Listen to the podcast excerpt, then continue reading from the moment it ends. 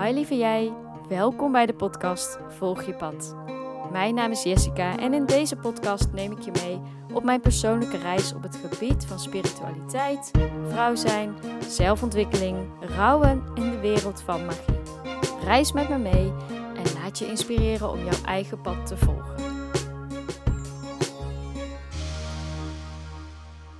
Ik had laatst een nogal moeilijk gesprek. Het was een bespreking waar heel veel mensen bij betrokken waren.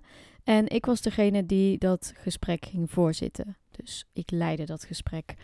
En behalve dat ik me er heel goed op had voorbereid, uh, met mijn hoofd, dus daadwerkelijk het gesprek had uitgeschreven. De puntjes die ik wilde bespreken had ik uitgeschreven. Dus wat dat betreft had ik alles gedaan wat ik kon doen waren er nog een paar andere dingen die mij heel erg hebben geholpen om dat gesprek tot een succes te maken. En dat wil ik heel graag met jou delen in deze aflevering. En deze tips zijn niet alleen handig bij moeilijke gesprekken, maar je kan ze ook inzetten bij een presentatie bijvoorbeeld, of een speech die je gaat houden, een sollicitatiegesprek, nou dat soort dingen. Allereerst, welke kleding trek je aan? En dan denk je, ja, kleding is toch gewoon kleding? Kleding doet echt zoveel met je. Allereerst gaat het erom wat voor soort kleding het is. Dus uh, kies kleding uit die past bij hoe je je wilt voelen. Dus niet kleding bij hoe je je voelt op het moment, maar echt wat je wil overbrengen, wat je wil uitstralen. En kijk daarbij ook welke kleur je aantrekt. Kleuren hebben een bepaalde trilling, een bepaalde uitstraling. En dat doet niet alleen iets met jouzelf, maar ook met de mensen die jou zien. Dus denk daar gewoon even over na. Het hangt een beetje af van de situatie, welke kleur je dan zou kiezen. Maar ik zou bijvoorbeeld, als jij in een leidersrol staat, als jij een, een speech moet doen of een gesprek moet leiden, dan zou ik persoonlijk kiezen voor kleuren die echt kracht uitstralen. Zoals bijvoorbeeld rood of uh, donkerpaars of blauw. En dan zou je natuurlijk kunnen kiezen voor uh, bijvoorbeeld een, een mooie jurk of een mooie jumpsuit. Of een powerful jasje wat je aantrekt. Iets met bijvoorbeeld een beetje schoudervulling. Ik zeg maar wat. Kies iets wat kracht uitstraalt. En dan niet alleen qua vorm, maar ook dus qua kleur.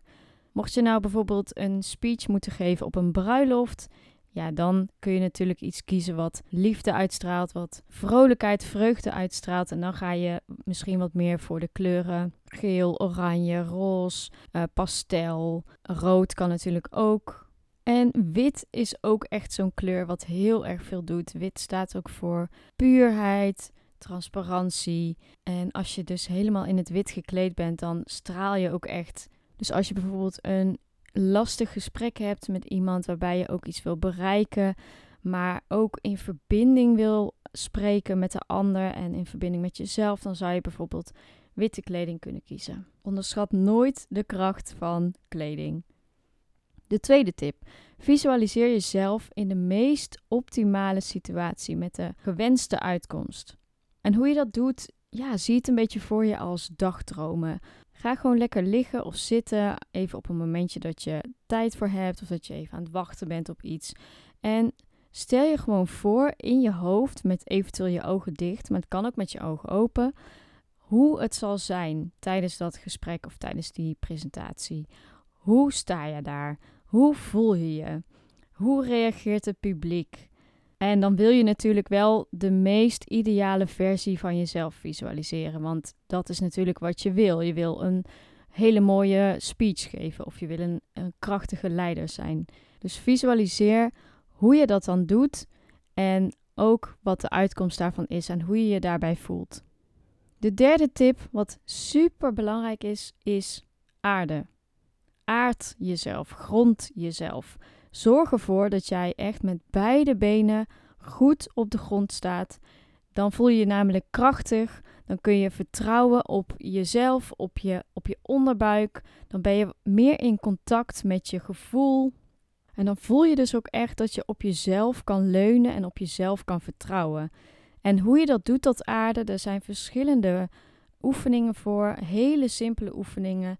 Wat ik zelf altijd fijn vind om te doen, is om even een klein sprongetje te maken of even een beetje door mijn knieën te zakken en weer omhoog te komen, zodat ik echt even de energie naar beneden stuur.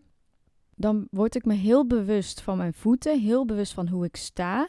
Ik zorg dat mijn eh, knieën ook niet op slot zitten, maar een beetje gebogen. Ik ga echt leunen op mijn voeten.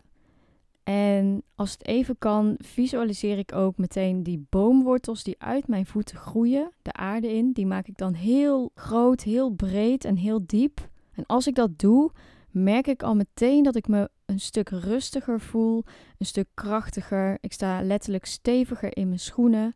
Dit is echt zo ontzettend belangrijk. Niet alleen als je moeilijke gesprekken of presentaties moet houden, maar ook gewoon gedurende de dag. Dus aarde.